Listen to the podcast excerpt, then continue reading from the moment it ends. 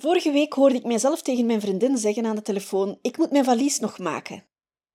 Ik corrigeerde mijzelf. Ik moest dat helemaal niet doen. Ik wilde dat doen. Ik kon dat doen, want ik mocht op vakantie gaan. Hoeveel keer gebruik jij het woord moeten waar dat helemaal niet nodig is? Van harte welkom bij de podcast van Dr. Geluk. Een podcastreeks waarbij je weer een stapje dichter komt bij je allerbeste leven.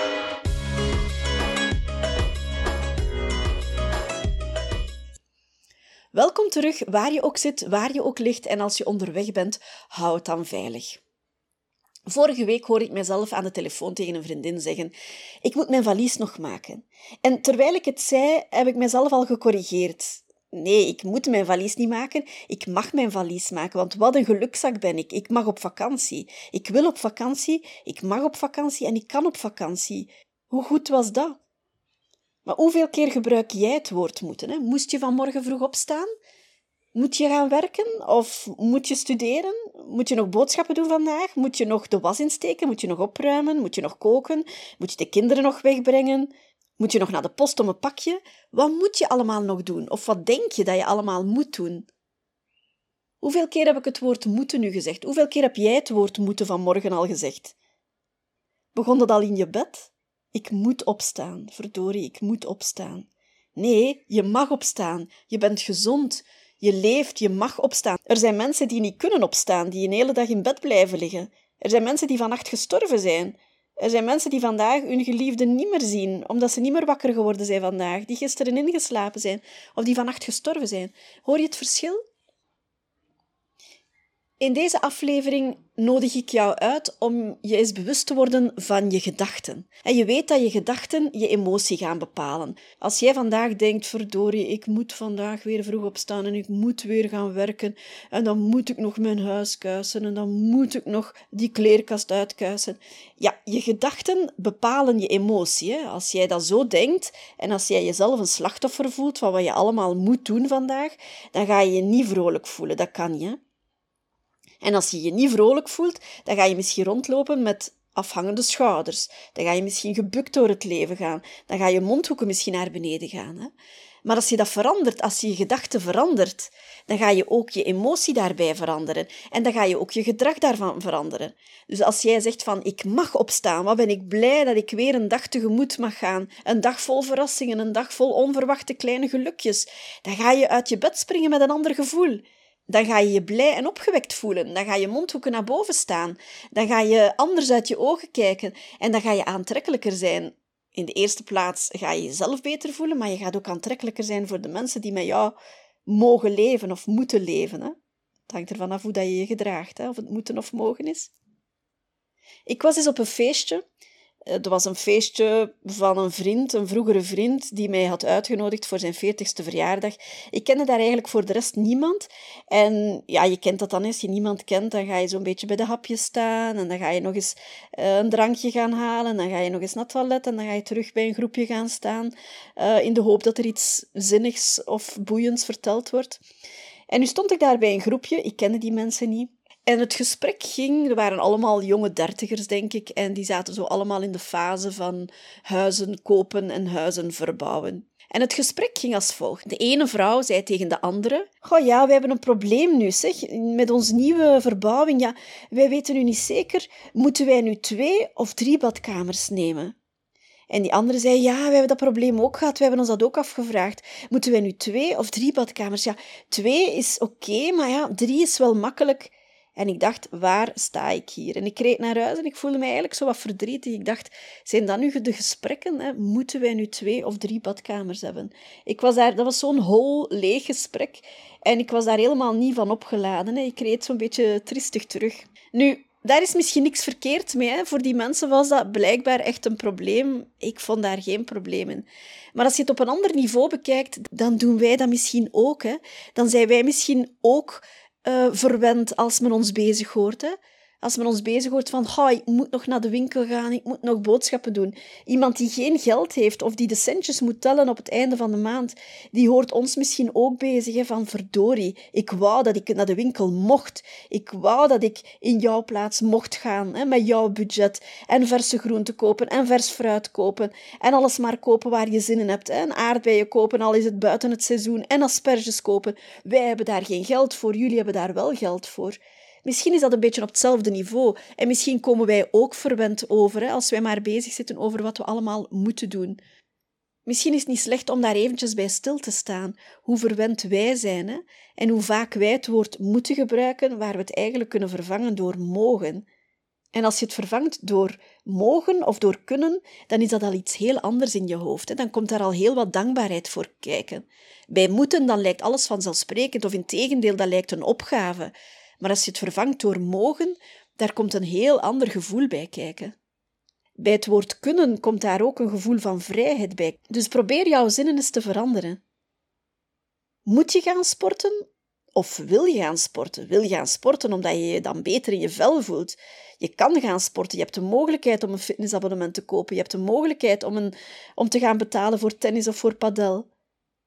Moet je gaan sporten of wil je gaan sporten omdat je dat leuk vindt? Ga je gaan sporten omdat je nu eenmaal het voornemen hebt om te gaan sporten? Maar vervang die moeten. Hè? Je moet helemaal niet gaan sporten. Je hebt dat met jezelf afgesproken omdat je dat wil doen, omdat je dat leuk vindt, omdat je je fitter in je vel wilt voelen.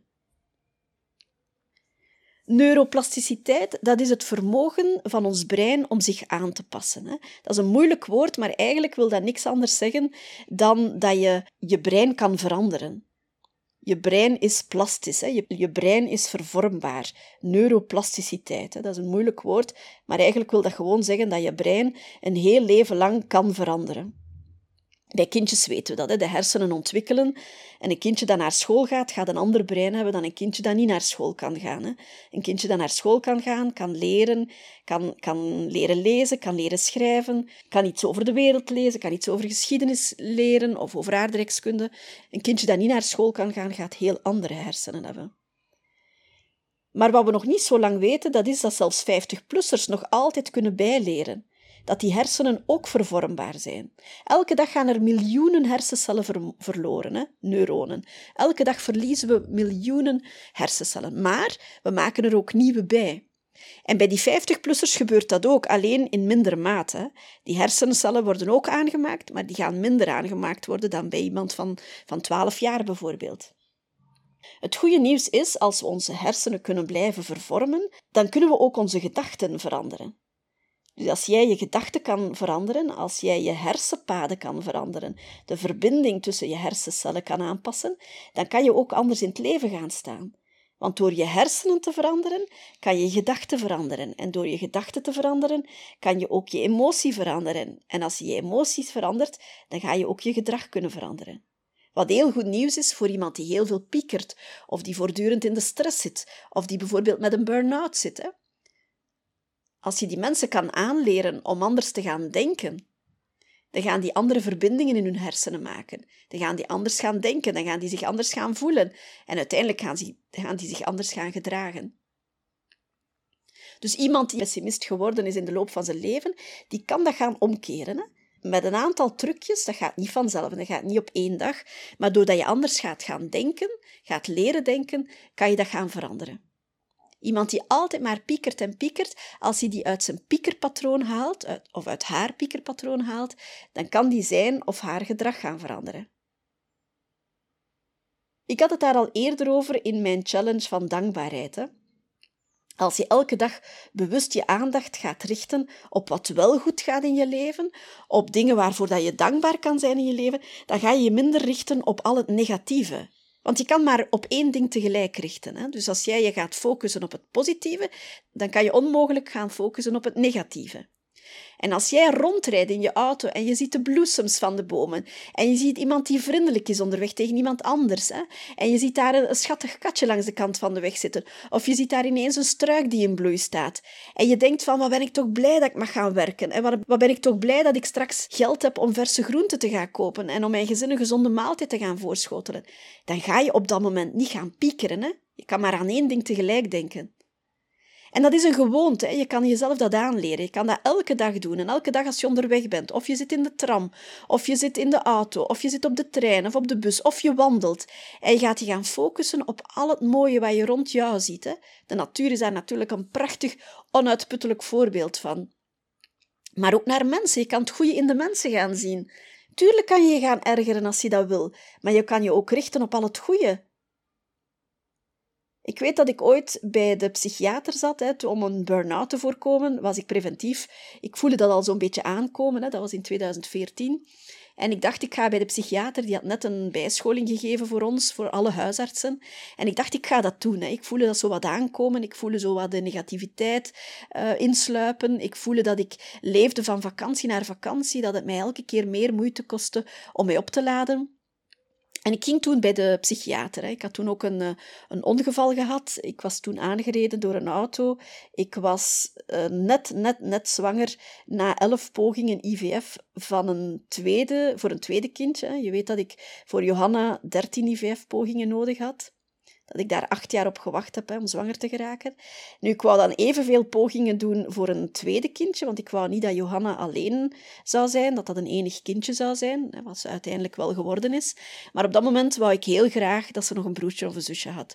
Dus ik wou dan voor mezelf evenveel pogingen doen, want ik vond dat eerste kindje was voor mezelf. Hè. Wij wouden een kindje, ik wou, uh, ik wou zwanger zijn, dat was een kindje voor mezelf. Hè. Ik wou moeder worden en haar papa wou papa worden. Maar dan dat tweede kindje vond ik nodig voor haar. Hè. Dat, dat was niet, voor, niet zozeer voor mezelf, ik was al mama, maar ik wou dat zij zelf nog een broertje of een zusje had. Dus wij gingen terug voor een nieuwe pogingen. Hè. Na de elfde poging werd ik aangereden Um, ik was toen net, net zwanger. Ik werd aangereden als voetganger door een auto. Ik lag toen in het ziekenhuis. Ik had toen een zware hersenschudding. En kort nadien ben ik dan naar de psychiater gegaan, die dan eh, gespecialiseerd was in burn-out. En ik vroeg aan de psychiater, wat moet ik toch doen? Ik, ik zie die mensen dan in de wachtzaal zitten, vooral de mensen met zware psychische problemen, of de mensen met een depressie, of de mensen die altijd zo negatief zijn. Wat moet ik toch doen? Want ik voel de moed al in mijn schoenen zakken als ik ze zie zitten, van wat moet ik daar nu mee aanvangen? Die zijn zo negatief altijd. Die halen mijn energie naar beneden. En toen zei de psychiater, Saskia, richt jou op het positieve. Richt jou op al het positieve wat je in die mensen kan zien. Misschien zijn ze keurig op tijd, hè? misschien zijn ze fris gewassen, misschien hebben ze wel iets te vertellen wat je nog niet weet. Richt jou daarop in plaats van op het negatieve. En dat heeft mij zoveel geholpen in de rest van mijn loopbaan dan als huisarts, dat ik die psychiater nog altijd heel erg dankbaar ben daarvoor. En niet alleen in mijn leven als huisarts, hè. dat heeft mij ook voor de rest heel veel geholpen. Ik doe dat nu nog altijd. In iedereen zit iets goed en in elke situatie zit ook weer iets positiefs. Je kan elke situatie ook van de positieve kant bekijken. Dus ik nodig je uit, als je weer eens denkt van ik moet gaan opruimen, ik moet nog gaan kuisen, ik moet nog mijn kinderen afhalen. Denk eraan hoeveel geluk dat je hebt dat je dat mag doen. En je gaat je heel anders voelen. Hè? Ik weet nog, als ik probeerde zwanger te worden, en dat duurde dan heel lang, en dat duurde dan acht jaar, en ik hoorde mensen vertellen over, ah, ik ben weer moeten opstaan vannacht hè, met een ziek kindje, en ik heb weer slecht geslapen, dan dacht ik, oh, laat het mij doen, laat mij opstaan voor een ziek kindje. Ik wil meteen een kindje, en ik ga er niks van maken als ze ziek is nachts, of als hij ziek is nachts. En inderdaad, toen dat we dan ons dochtertje hadden, die was wel vaak ziek, die eerste jaren, die heeft een paar keer in het ziekenhuis ook gelegen, met een uh, zware longontsteking. Maar elke keer, elke nacht, als ik voor haar moest opstaan, dan dacht ik, ja, ik ben blij dat ik mag opstaan. Niet zozeer omdat dat leuk is om s'nachts op te staan, maar omdat ik wist hoezeer dat ik er naar verlangd had om een kindje te hebben. En hoe blij dat ik was dat ik mocht opstaan voor een kindje. Ik had zoveel nachten kunnen doorslapen, ik had zoveel nachten kunnen uitslapen, maar ik genoot daar niet van, want ik wou een kindje. En als ze er dan was en ze maakte mij wakker omdat ze ziek was of omdat ze niet kon slapen, ja, dan kon ik alleen maar dankbaar zijn omdat ze er wel was. Als je vanavond tijd hebt, probeer dat eens op te schrijven. En probeer een keer heel je dag te overlopen. Hè. Je moet daar natuurlijk wel wat tijd voor hebben, maar je gaat ervan versteld staan hoeveel geluk dat je eigenlijk hebt. Hè. Als je alles zo eens oplijst, wat je heel de dag moest doen, zo gezegd. Hè. Hoeveel geluk dat je eigenlijk hebt, dat je dat mag doen, dat je dat kan doen. Hè. We leven in een vrij land. Je bent waarschijnlijk gezond, hè. of misschien mankeer je wel iets, maar misschien zijn er nog heel veel dingen die je wel nog kan doen, ondanks je beperkingen. Misschien vind je het heel lastig om je kinderen op te voeden, maar kijk eens naar wat, naar wat dat ze jou wel bezorgen van levensvreugde. Misschien is je relatie niet op en top 100% wat je wil, maar kijk eens naar wat je wel met elkaar kan doen en mag doen, hè? wat jouw partner wel voor jou betekent. Ondanks die ergernissen, wat er wel allemaal goed is, hè? waar je wel een gelukzak bent. Misschien moet je studeren omdat de blok eraan komt, hè, omdat examens eraan komt. Maar wat een geluk heb jij dat jij hier in België of in Nederland dat je mag studeren. Er zijn mensen in de wereld die zo graag willen studeren, maar die het geld niet hebben, omdat er in hun land heel hoog inschrijvingsgeld te betalen valt, bijvoorbeeld. Of omdat je als meisje niet kan studeren, of omdat je in een, in een land woont waar, waar je niet kan gaan studeren, waar er gewoon geen geld is of waar er gewoon geen opleidingen zijn. Als je vindt dat je moet gaan werken, ja, kijk eens, misschien doe je je job helemaal niet graag en misschien is het hoog tijd om van job te veranderen, om eens te kijken waar je wel je vreugde in vindt. Wat is jouw ikigai? Hè? Wat doe je graag? Waar kan je geld mee verdienen? Wat maakt jou blij? Kijk eens na of dit de job is die je wil doen tot aan je pensioen. Misschien ligt daar het probleem. Maar misschien is het ook gewoon dat je het zo vanzelfsprekend vindt en dat je het zo corvée vindt om elke dag naar je werk te gaan.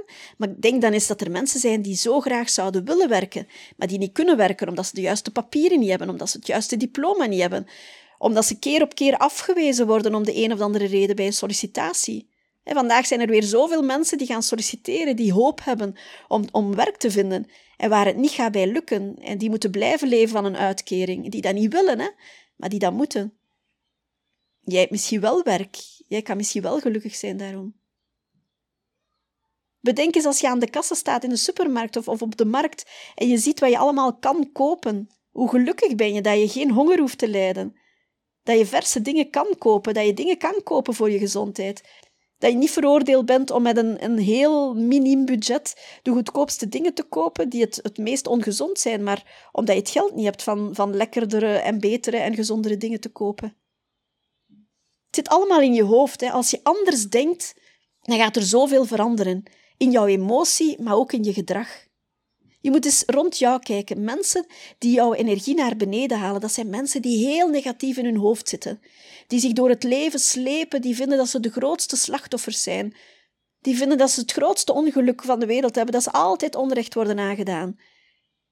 Daar word jij niet vrolijk van, hè? daar laat jij niet van op als je bij zo iemand moet zijn. En kijk eens, de mensen waar jij het meeste energie van krijgt, de mensen waar jij het liefst in de buurt van bent, hoe denken die? Zijn dat optimisten of zijn dat pessimisten? Ik denk dat je het antwoord wel snel weet. Hè? Maar kijk eens hoe die mensen denken. Dat zijn meestal dankbare mensen die goed in hun vel zitten, die zich richten op het positieve in plaats van op het negatieve. Iemand die slecht in zijn vel vindt, iemand die zichzelf voortdurend loopt af te breken, daar krijg jij geen energie van. En het zijn niet de meest knappe mensen die zich het best in hun vel voelen, hoor. Daar heeft het niks mee te maken. Het hangt ervan af waar jouw focus ligt. Hè? Je hoeft helemaal niet perfect te zijn. Je hoeft helemaal niet het perfecte lichaam te hebben om jou toch goed te voelen, om toch dankbaar te zijn, om die benen die jou kunnen brengen waar dat je wil, om die handen die kunnen doen wat je wil, om die ogen die kunnen kijken die niet blind zijn, om die oren die niet doof zijn en die nog goed kunnen horen voor ze een hoorapparaat nodig hebben. Maar wees je daarvan bewust, je gaat zien hoe dankbaar dat je in het leven gaat staan en hoe gelukkiger en hoe lichter het leven zal zijn. Dus als je tijd hebt, probeer het vanavond eens op te lijsten. Wat moest je allemaal doen? Maar verander die moeten is allemaal door kunnen of door willen. Heel veel dingen die je zogezegd moet doen, die wil je gewoon doen. Of die mag je doen, of die kan je doen. Hè? En bij al jouw voornemens, vervang die moeten door willen. Hè? Je wil gaan sporten, je wil gezonder gaan eten. Je moet niet gezonder gaan eten, je wil gezonder gaan eten. Je moet niet gaan sporten, je wil gaan sporten. Je moet niet vroeg opstaan, je wil vroeg opstaan, omdat je dan anders aan je dag begint. Omdat die dag gewoon al veel beter begint als jij voor je wekker kan opstaan of als je niet gaat snoezen en je staat op. Je moet dat helemaal niet doen, maar het is gewoon in jouw voordeel. Je moet niet stoppen met roken, maar het is gewoon veel leuker als je stopt met roken. En eigenlijk wil je stoppen met roken. Eigenlijk wil je gezonder door het leven gaan. Hè? En je kan dat ook. Als je wil, dan kan je. Maar dat moeten, dat maakt het direct zo heel negatief. Hè? En als je zegt, ik kan stoppen, dan komt er direct veel vrijheid in je hoofd. Natuurlijk, dat heeft wat tijd nodig, maar gewoon, gewoon, gewoon die werkwoorden aanpassen. Wat je denkt, bepaalt je emotie. Emotie is niks anders dan feedback op jouw overtuigingen. Je hebt iets in je hoofd, je hebt een gedachte, dat is jouw overtuiging. Door de jaren heen ben jij daarvan overtuigd dat dat zo is. Dat is niet altijd zo, maar jij denkt, hè, jij denkt wat je denkt. Door ervaring, door opvoeding, door wat jij meegemaakt hebt, hè, heb je overtuiging in je hoofd. En wat je daarbij voelt, dat is eigenlijk de feedback daarop. Dus je emoties en je gevoel zijn de feedback op jouw overtuigingen, op jouw gedachten. Zijn die waar? Zijn die niet waar? Feit is dat je die gedachten, die overtuiging kan ombuigen, dat je andere woorden daarvoor kan gebruiken.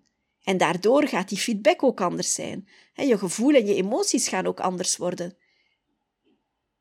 En je lichaamstaal, je lichaamshouding, die past zich aan aan jouw gevoel. Iemand die zich tristig voelt, iemand die zich depressief voelt, die gaat een veel andere lichaamshouding aannemen dan iemand die licht en luchtig door het leven stapt.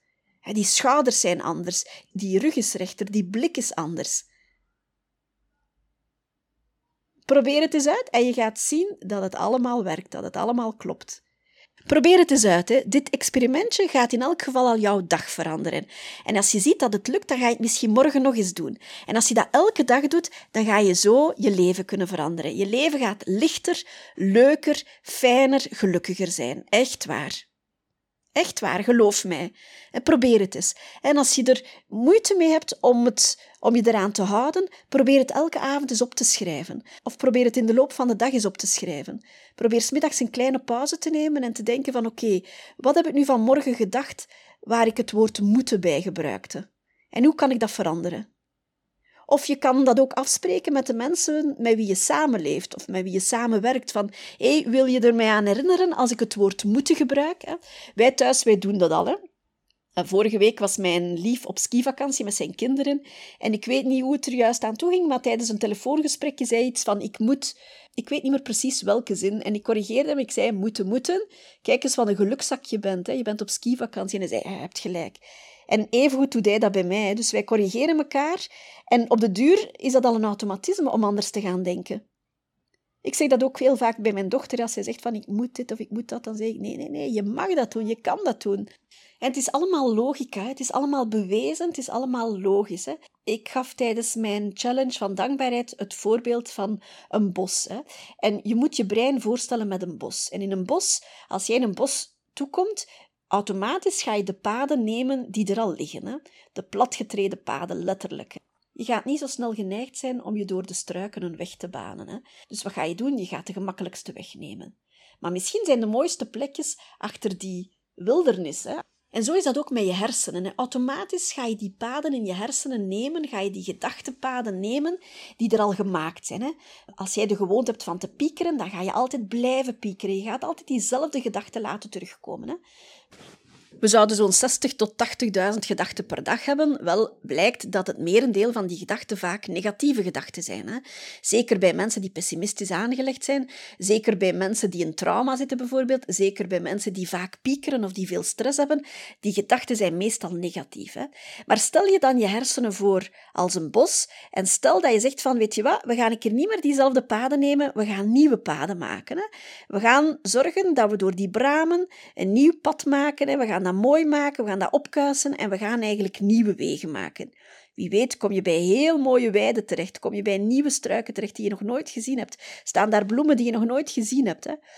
Maar zo moet je dat vergelijken, hè? Je, je brein vergelijken met zo'n een, een bos, met ofwel de platgetreden paden, ofwel ga je daar nieuwe paden maken. En die mag je ook plat gaan treden, hè? maar dan wel nieuwe en positieve paden.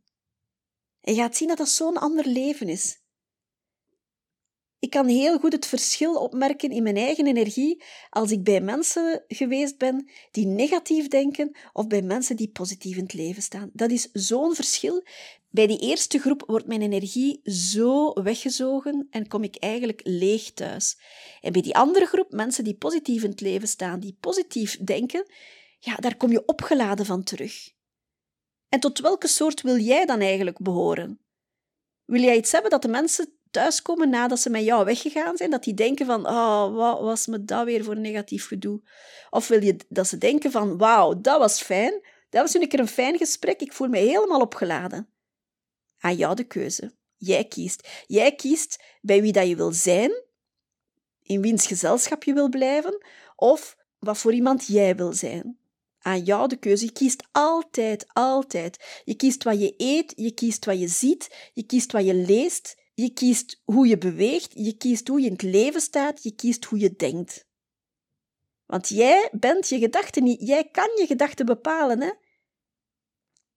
Die gedachten gaan niet met jou aan de haal. Jij kan je gedachten bepalen. Jij kan zeggen: stop, nu stop ik met piekeren en nu ga ik me richten op het positieve.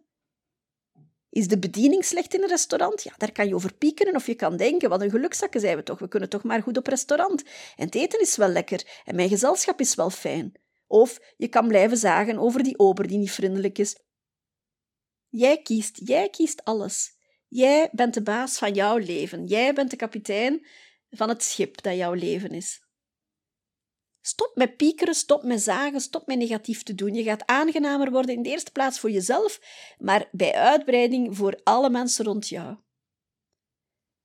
We hebben allemaal een frequentie. En mensen die positief in het leven staan, die hebben een veel hogere frequentie. Hè? Dat heeft te maken met kwantumfysica en zo. Het is bewezen dat als je in de buurt bent van iemand met een hoge frequentie, iemand die met vreugde in het leven staat, iemand die dankbaar in het leven staat, dat dat aantrekkelijker is. Dat je liever in de buurt bent van zo iemand dan in de buurt van iemand met een lage frequentie. Iemand die negatief in het leven staat, iemand die piekert, iemand die, die altijd zeurt, die zichzelf ongelukkig voelt, die zichzelf altijd onrecht voelt aangedaan. Dat zijn mensen met een lage frequentie. En mensen zoeken elkaar op en mensen met hoge frequenties die, die trekken elkaar aan, want die versterken elkaar. Dus denk eens na bij jezelf van ben ik iemand met een hoge frequentie of ben ik iemand met een lage frequentie? Ben ik iemand bij wie mensen graag in de buurt zijn of gaan ze mij liever uit de weg omdat ik altijd negatief in het leven sta? En je kan het eens uitproberen. Je kan eens gewoon tien minuutjes denken van wat waren mijn gedachten nu de voorbije tien minuten? Was dat nu negatief of positief? Was dat nu allemaal kritiek in mijn hoofd? Of waren dat dankbare gedachten? En schrijf het dus noods eens op en, en, en het eens. Hè. Of vraag eens aan de mensen die jou goed kennen van ben ik iemand die positief in het leven staat of ben ik iemand die vooral hoofdzakelijk zeur en zaag? Voilà, dit was een kleine uitnodiging van mij om het anders te bekijken om anders in het leven staan en om beter en gelukkiger in het leven te staan. Laat mij weten wat jouw lifehacks zijn, hè? hoe jij het doet om je gelukkiger en beter te voelen. Hè? Schrijf mij, mail mij, laat mij iets weten. Je kan mij bereiken op Instagram, je kan mij bereiken op Facebook. Je kan naar een inspiratieavond komen. Je kan je inschrijven voor je nieuwsbrief. Je vindt mij terug op www.doktergeluk.com. Ik ben er terug volgende week. Houd veilig, houd gezond en houd vooral gelukkig. Dag!